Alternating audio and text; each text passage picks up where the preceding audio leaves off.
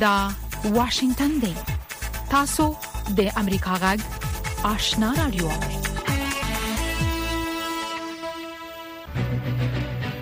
قدرمن اوریدونکو السلام علیکم زه شافیا سردار یم دا د امریکا جغ آشنا را دوه خبرونه پیل شوه لومړی به خبرونه واوري السلام علیکم قدرمن اوریدونکو زه نظرانه یوسف زیم تاسو خبرونه اورئ د بخښنې نړیوال سازمان یو ځل بیا د طالبانو د حکومت نه پرته د قید او شرط او ځن د قلم لار د ټولنې مشر او د جنو د زده کړو د ملاتړي متي الله ویسا د خوشی کېدو غوښتنه کړې د بخښنې نړیوال سازمان د سشنبه په ورځ د خپل ټوئیټر په پاڼه لیکلي چې تیر ورځ د طالبانو لخوا په خپل سر د متي الله ویسا د نیولو او په بند کې د ساتلو درې میاشتې پوره شوې د بخښنې نړیوال سازمان لیکلي د نړیوالو بشري قوانینو لمخې په پرله پسې ډول په بند کې د هغه ساتل د بیا اندازادۍ د حق او په سولهییز ډول د غونډو د جوړولو د حق نه سرګند سرغړونه ده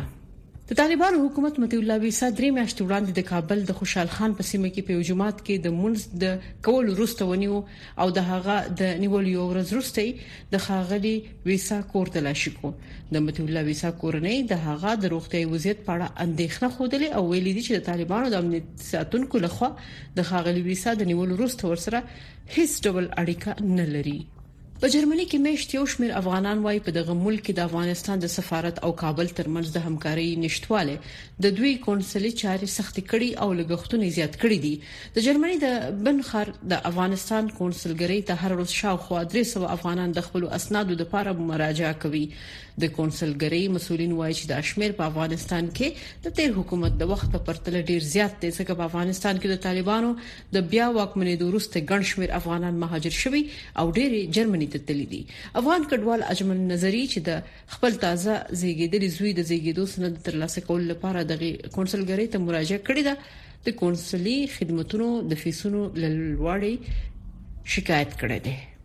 د پاکستان په خیبر پښتونخوا کې وکیلان وايي تر 900 زیات پاکستاني او خزو افغان خاوندانو او 300 افغان میرمنو د پاکستاني ادباو سره د ودونو په اساس دغه هیواد پیژند پاڼې ترلاسه کړې دي د پیښور عالی محکمې د 2022م کال په ورستیو کې امر وکړو چې هغه بهرني نارینه ته چې په پاکستاني ښځو سره یې ودونه کړي باید د پاکستان تابعیت ورکړل شي د محکمې له پریکړې وروسته ګڼو هغه افغانانو چې په پاکستان کې د پاکستاني ښځو سره ودونه کړي د پاکستاني پیژند پاڼو ترلاسه کولو لپاره محکمې ته درخواستونه ورکړي دي سکهال لوی اختر په داسې وخت کې په افغانستان کې ومانځل شو چې زیات شمیر خلک اقتصادي بحران اغیزمن کړی دی د کابل ښار یو شمېر اوسېدونکي وايي، بیې لوړې شوي، خلک بېکاره دي، بېوزلي ده او مرستو ته ضرورت لري. محمد صابر د اختر د قربانۍ لپاره څاروي پلوري، خو د خلکو بد اقتصادي وضعیت یې کاروبار رو کړی دی. هغه وايي، څاروي ورته قیمت تمامېږي، بیې لوړې دي او ډېر خلک یې د اخیستلو توان هم نه لري. د خوړو د نړیوال پروګرام، ډبلیو ایف پي، د اټکل له مخې په افغانستان کې د پنځلسو میلیونو نه زیات افغانان د خوړو د جدي کمښت او 2.8 میلیونه کسان د قحطۍ سره مخ دي د متحده ایالاتو د بهرنیو چارو وزارت وویل چې روسیې ته اجازه ورکړي یو دربست شوی الوتکه واشنگټن ته واستوي ترڅو خپل هغه ډیپلوماټان بیرته هوا ته ستانه کړي چې په سفارتونو او نورو سیاسي استازولیو کې ماموریتونه پای ته رسیدلي دي د بهرنیو چارو د وزارت ویاند میتیو میلر خبريالانو ته ویل چې متحده ایالات روسیې نه د ورته اقدام هلل لري ښاغلي میلر دا ونه ویل چې په دې سوداګریزې الوتکې به څومره روسي ډیپلوماټان بیرته هیواد ته ستانه شي او یو سویډني پرون د چهارشنبه په ورځ دغه هیواد د پلازمینې سټاکهوم د جامع جماعت مخې ته د قران کریم یو نسخه ته ور واچو دغه سویډني چې سلوان مومي کنوميږي په خوای هم دغه ډول اقدام غوښتنه کړې و خو د سویډن پولیسو د هغه غوښتنه نه ومنلې دا ځل پولیس ویلي چې د استناف محکمې د پریکړې په بنسټ نوموړي ته دغه اعتراض اجازه ورکړل شوې ده نوموړي دغه اقدام تر سختو امنیتي تدابیرو او د پولیسو تر پراخ شتون لاندې په داسې حال کې تر سره کو چې د دې کړنې مخالفینو شعارونه ورکول دغه کس ته قران کریم په نسخه کې د خنزیر د غوخي سو ټوټې کې خودلې او بیا ورته ور واچو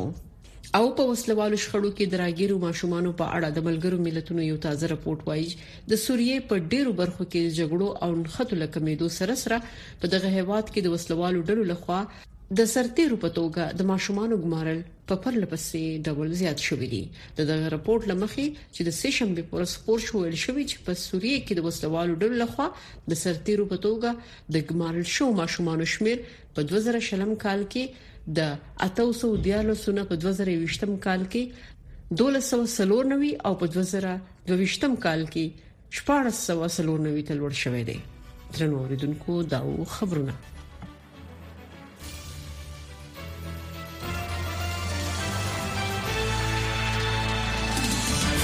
خبرونه مو د امریکا جغ آشنا رادیو څخه واوریدل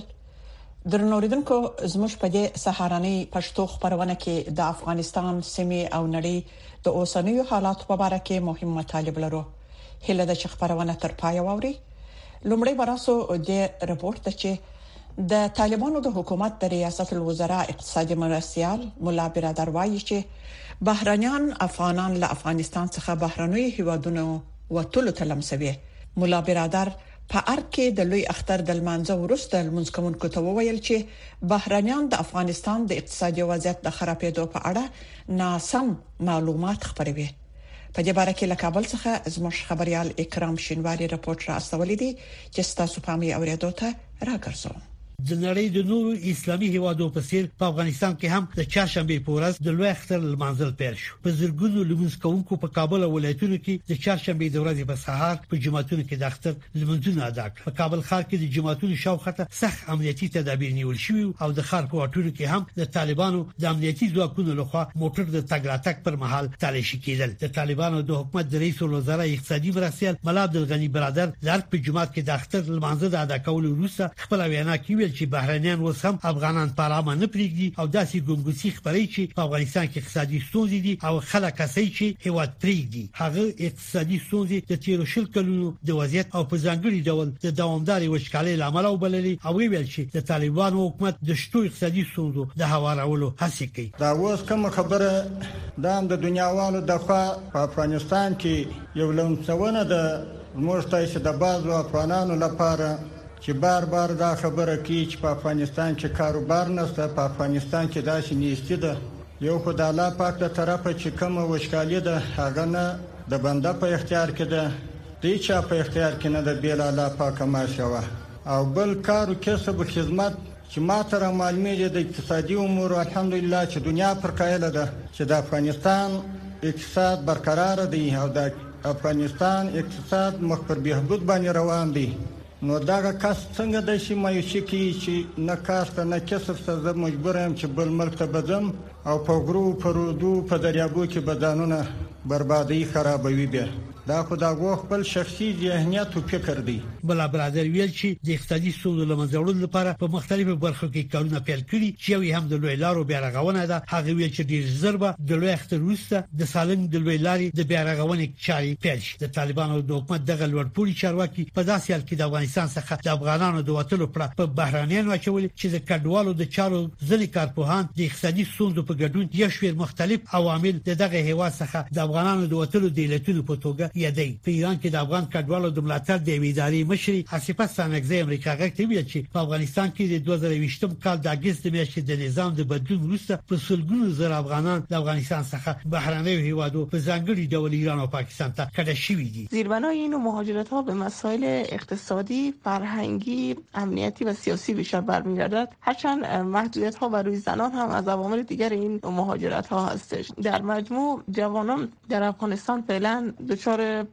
یک نوع افسردگی شدن و هیچ نوع انگیزه و امیدی به او صورت ندارند چون که فقر بیکاری و تورم به حد بالای خودش رسید. مېرمن ستانکزي وویل چې اکثره افغانان چې په افغانستان کې د طالبانو د واکمنۍ وروسته له افغانستان څخه ګاونډیو هېوادو ته تللي، هدف یې په دغه هېوادو کې اوسېدل نه دي، بلکې غواړي چې په دغه هېوادو کې په مؤقت ډول واوسېږي. مېرمن ستانکزي وویل چې هغه شمېر افغانان چې اوسمهال له افغانستان څخه ګاونډیو هېوادو ته ورځي، هڅه کوي چې اروپا، امریکا او یا هم کاناډا ته ځانونه ورسوي. د بلې خوا د افغانستان څخه د افغانانو د وتلو سره مهاله ایران هر میاش په زورګونو افغانان چې په دغه هیواد کې د اوسېدانې اسناد نه لري نیسی او افغانستان ته ایستنی د ایران د دولتي خبري اژانس ایرنا د راپور لمخې د دغه هیواد د خراسان رضوي ولایت د بهرنۍ ادوا او کډوالو د چارو مشر حسین شرافتی رات د جون په سلیشتمه ویلي چې د روان لمریز کال په لومړی درې میاشتو کې د دوغارون او تایبات د سرحدي لارې نوي زره افغان کډوال افغانستان ته ستانه کړي دي حسین شرافتي راد ویلي چې په دغه ستانه شوو افغان کډوالو کې هغه افغان کډوال شامل دي چې په خپله خوښه وطن ته د ستنېدو نیت درلود او یا هم د اړوندو ایراني ادارو له خوا د تهران په ګډون د ایران په مختلفو ښارونو کې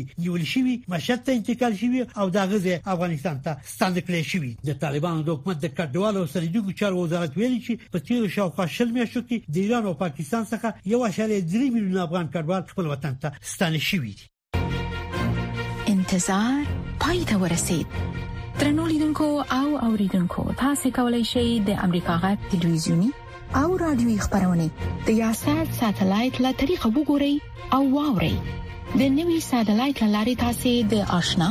اتصال او کاروان ټلویزیونی خبرونه کتلای هم شئ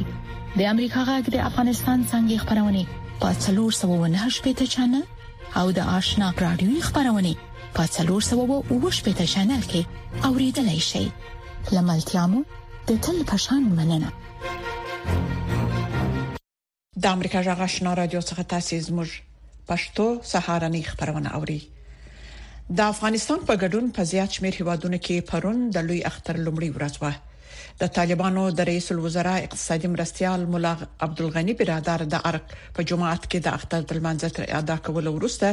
ویلي چې بهرنیان اوس هم افغانستان په آرامه نه پریږدي او داسې ګنګوسې خبروي چې په افغانستان کې اقتصادي ستونزې دي او خلک هڅوي چې هیواد پریږدي نور حال پر پورت کې ووري په افغانستان او یو شمېر اسلامي هیوادونو کې د لوی اختر پیل په زرګونو لمنځ کوونکو په کابل او ولایتونو کې د چهارشنبه د ورځې په سهار په جماعتونو کې د اختر لمنځونه ادا کړل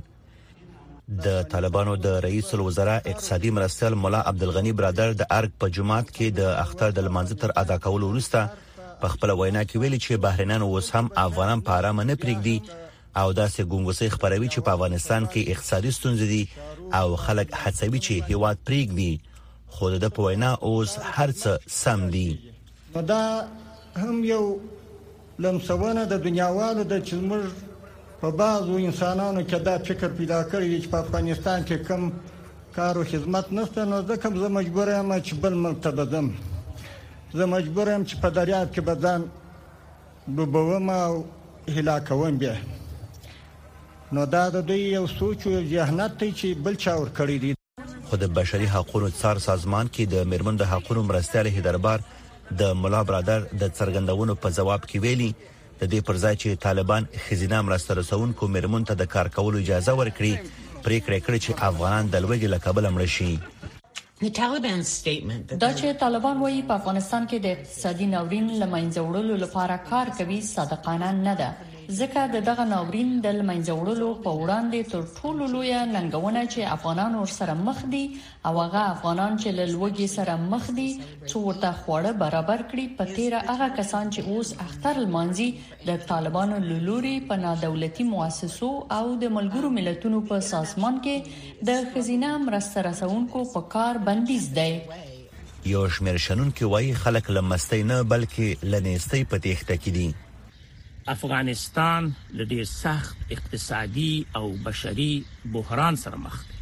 د طالبانو لراتک سره سم ولکه دولتي کارمندانو دندې له لاسه ورکړلې. تر اوسه پورې درې اعشاریه شپږ میلیونه افغانانو وطن پرېښود، څلور دېرش میلیونه انسانان د فقر له خط نه لاندې ژوند کوي، یو ډېر مهم قشر چې هغه مېرمنې دي او د افغانستان په اقتصاد کې ډېر اساسي رول لوبوي، هغه له ټولنې او له هر د ژوند له هر ډګر نه حذف شولې خو د دوی حذفول د افغانستان په اقتصاد باندې ډیر ستر گزار وو نو افغانان له مستی نه له نیستی نه هیواد پریږدي بلخوا د طالبانو سترې محکمې ویلي چې د لوی اختر په مناسبت 2200 کسان له زندانونو آزاد کړي دي ل دې سره هم مهاله د بخښن نړیوال سازمان یو ځل بیا د طالبان له حکومت څخه پرته د قید او شرط او ځند د قلم لار د ټولنې مشر او د نجونو د زده کړو د ملاتړي موتی الله ویسا د خوشکېدو غوښتنه کړې ده د بخښن نړیوال سازمان په ټوئیټر پاڼه لیکلي چې د طالبان لخوا په خپل سر د موتی الله ویسا د نیولو او په بند کې د ساتلو درې میاشتې پوره شوې بلخوا د افغان اصل فرانسوي خبريال مرتضی بهبودي مېرمنې الکساندرا مستوایا وایي شپږ میاشتې وشوې چې میړۍ له طالبان سره په بند کې دی او د خوشی کېدو غوښتنه کړې ده بیا اختر راغی او خلکو له خپلو کورنیو سره یو ځای د بښنې له ټولو ارزښتونو سره ولمانځه. زما خاوند مرتضی بهبودي لا هم یوازې په کابل کې طالبانو سره په بند کې دی. هغه یو خبریال دی، د خلکو لپاره یې قرباني ورکړې ده. د هغو خلکو غږ یې پورته کړی چې غږ یې ټپ کړای شوی دی لا هم هغه په زندان کې دی او د خبريالۍ په جرم نیول شوی دی زه بیا وایم چې خبريالي جرم نه دی هغه باید ژر تر ژره خوشی شي د معلوماتو پر اساس د هوایي چلن ادارې پخوانی مشر محمود شاه حبیبي د پوهنتون استاد رسول پارسی مدني فعالان حمزه الفت او شمس الرحمن رحیق شاعر او لیکوال حسیب احراری او یو شمېر نور مدني فعالان لا هم د طالبانو په زندانونو کې پراته دي طالبانو دغه ټولو زندانیانو په اړه هیڅ وضاحت نه دی ورکړی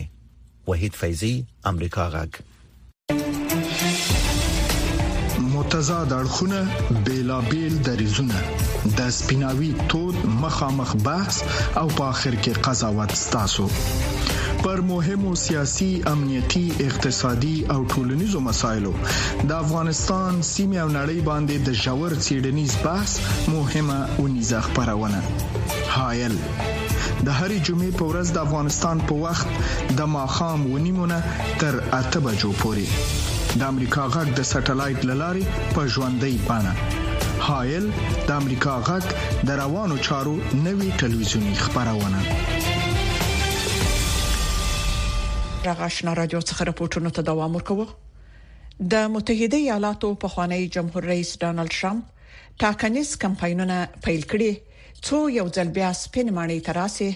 او اوسنی جمهور رئیس جو بایډن چې ټرمپ ته یې په دوه زره شلم کال کې ماته ورکړې وه، غواړي یو ځل بیا د ټرمپ په مقابل کې ودریږي. ټرمپ باید لومړی په ګوندي ټاکنو کې د جمهوري غوښتونکو نوماندانو په وړاندې بریا ترلاسه کړي. د امریکا غږ خبریال سټیفن هیرمن وايي چې یو شمیر جمهوري غوښتونکي د ټرمپ په ګټه کار کوي او نه غواړي چې پر پخواني جمهور رئیس نیوکه وکړي د احتمالي جمهوریت غوښتونکو رای ورکونکو سروېګانې ښکاره کوي چې ډونالد ټرمپ د امریکا د ولسمشرۍ په ټاکنو کې د دوو وتلو د فلوریدا د والي ران د سانټس او د ولسمشر د پخوانی مرستيال مایک پنس په ګډون تر نورو نوماندانو ډیر مخکې دی ټرمپ که څه هم د برحال او یا پخوانی ولسمشر په توګه د فدرال جنۍ جرمونو سره مخ شوی خو بیا هم خپل مبارزې ته دوام ورکوي راندی سانس او د هغه ملاتړي د ډبرو په شان په غورځېدو دي.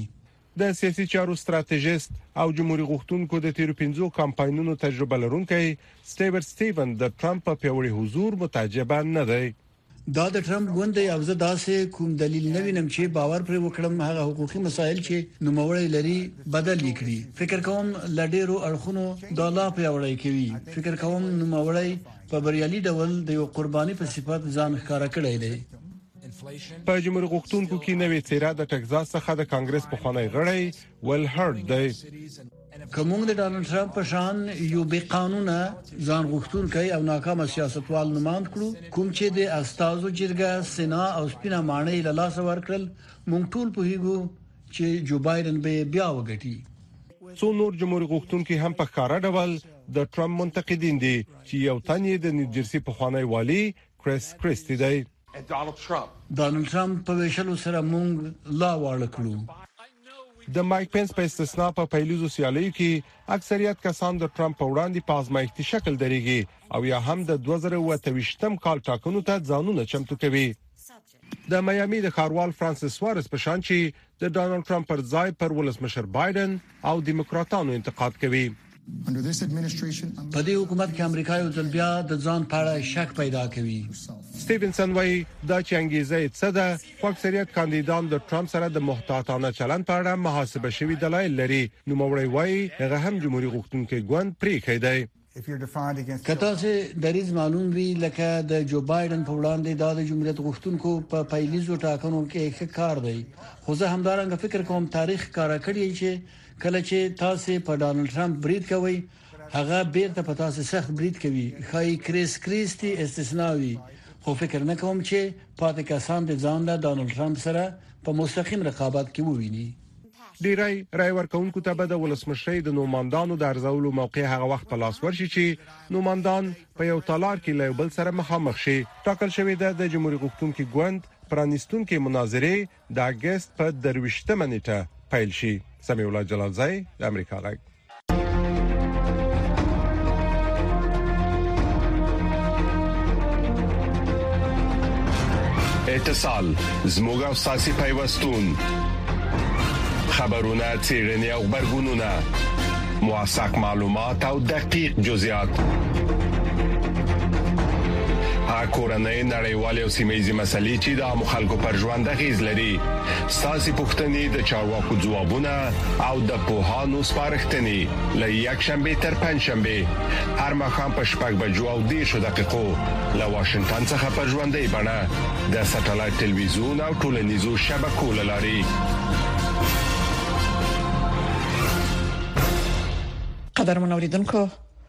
ګودر ځاځی ځوان افغان سندرغاړی دی او د طالبانو تر بیا واکمنیدو وروسته یې خپل هیواد افغانستان پرې ایښی دی. ښاغلی ځاځی وایي، له وطنه لیرې یې اخترونه بیخي د وطن د اخترونو په څیر نه دي. زموږ همکار خداینور ناصر د اختر په هکله ورسره بانډار کړی دی قاضي صاحب اختر مو مبارک او ډیره مننه چې په اختر کې موږ ته وخت راکړ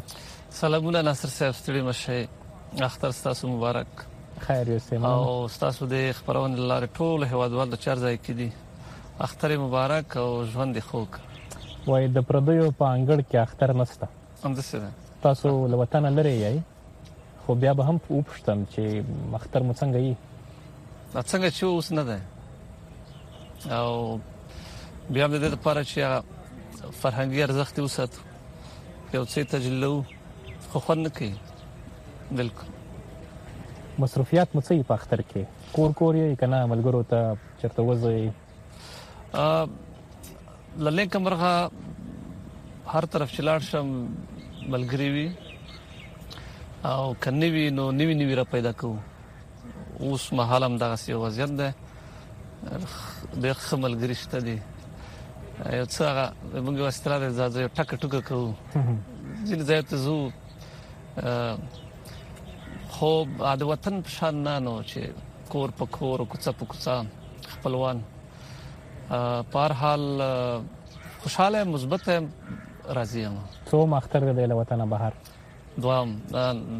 دریم دا دریم دی نه دوا دوا څلورم صحیح څنګه راووتې له وطن راته ویلې سي مشکلات وو د ډیرو نورو هیوادوالو په څیر او د سلګونو سندرغاړو په څیر اه بالکل کراش سندرغاړی د نورو کدرونو په څیر زه هم د هته ورسیدم چې د انساني ژوند کوم ازاديانې چې وي الله سمې ورکړې او نور وطن د ژوند نو او داس به حق چې ځان د پر ژوند غوړه خو په دې امید یم چې لمات څو وطن شخص دی او دا بیا وز بیا وز بیا وز خو لږ وخت بنس ول وطن بهر مو هنري فعالیتونه هم هغه سي دوام لري څنګه یاست کارونه مستا نه یو چې لا لمخ کنه په دې فراق کې خدي هغه چې موسیقي ته ډېر پام شوی کارونه مې زیات شوی او مخکې کال دوه کالونو کې دوه کالونو یو کال کې یو سندره اوس کوشش کوم چې ډیر زر زر وشي او کار مې کړای یو بل پسې پرله پسې به سندري راځي سندرو ترڅنګ ډیر نور څه دي چې باید وشي یوازې دا نه چې یو څه د خلکو خوښ شي ځینې داسې فعالیتونه دي چې وخت به ځواب ورکړي چې هغه زموږ د ژبې زموږ د فرهنګ زموږ د هویت د ساتنې لپاره باید وشي نه د دې لپاره چې د یو د یو غټ جمعیت هغه خوښ شي او دغه شعر چې ما وایو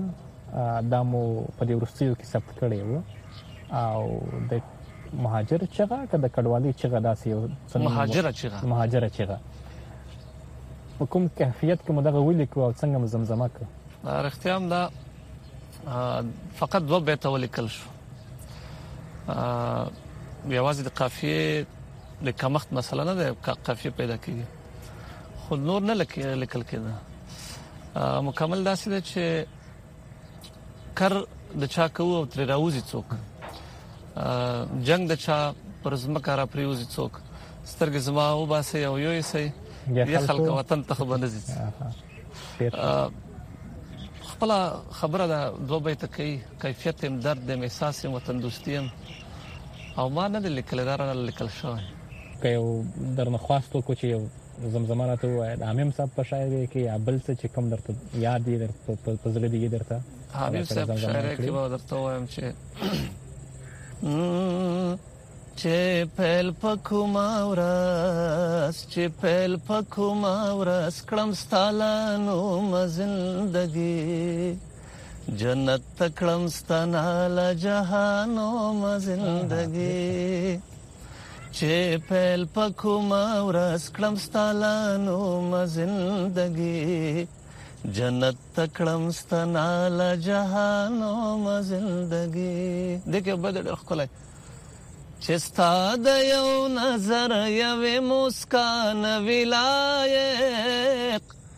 ته ووایا هغه بکړی لا کومه زندګی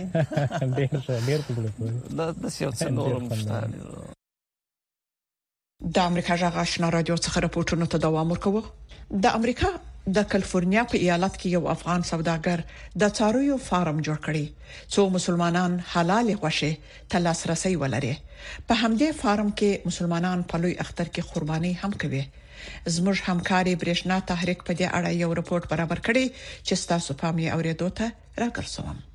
په کالیفورنیا کې شاوخوا یو میلیون مسلمانان اوسېږي چیرې چې دوی خپل دینی کلتوري او دودیز مراسم په آزاد ډول سرته رسولای شي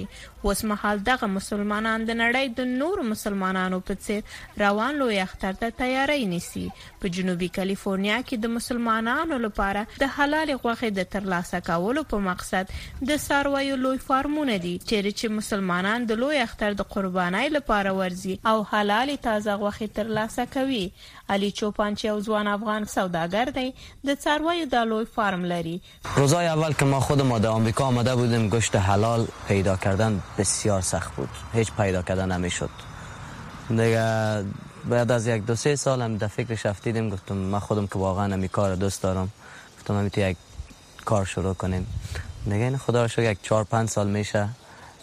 که خود در میکار انداختیم و گوشت تازه و حلال برای تمام مسلمانان سان دیگو پروواید میکنیم. ګڼ شمېر مسلمانان له لوی اختر څخه مخکې دې فارم ته راځي تر څو دوئ لوی اختر د قربانۍ له پاره هر یو خپل ځان ته د قربانۍ څاروی غوره کړي. زه له خپلو وروڼو سره دې فارم ته له اختر څخه مخکې ځکه راغلی یم چې دلته یو مال انتخاب کړو چې بیا د قربانۍ په ورځ همدلته حلال کړو، زه فکر کوم چې د څارویو د انتخاب لپاره دا فارم بهترین ځای دی. دا مالونه او د دوی د خرڅلاو دلته مرکز دی او مالونه او خلک ډېر راځي، موږ غواړو چې مخکې له مخکې نه یو ښه دغه انتخاب کړو ترڅو اختر په ورځ راشو او قرباني وکړو. په ټوله نړۍ کې نه یوازې مسلمانان بلکې یو شمیر نور خلک چې غوښې خوري اوس مهال حلال غوښې ته ترجیح ورکوي ځکه ورځ تر بلې د حلال غوښې مارکیټ وده کوي د راپورونو لمخې د نړیوال حلال غوښې بازار په 2021م کال کې د 202 میلیارډ ډالرو په ارزښت و خو اټکل کیږي چې د 2013م کال پورې به شاوخوا 315 میلیارډ ډالرو ته ورسیږي عربا میآیند عربا زیاد میآیند بیشتر کاستومرای ما مسلمانا هستند بله آمریکایی های مسلمان هم میآیند بله چرا که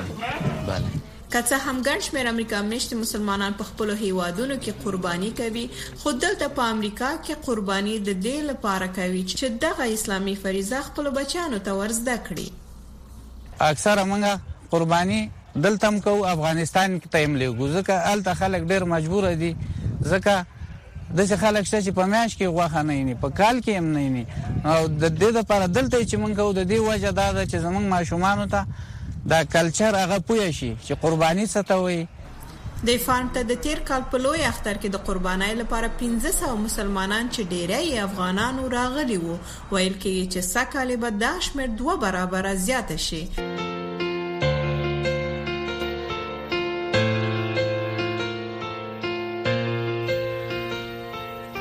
درنو اوریدونکو زموږ دا خپرونه په همدې ځای پای ته ورسېده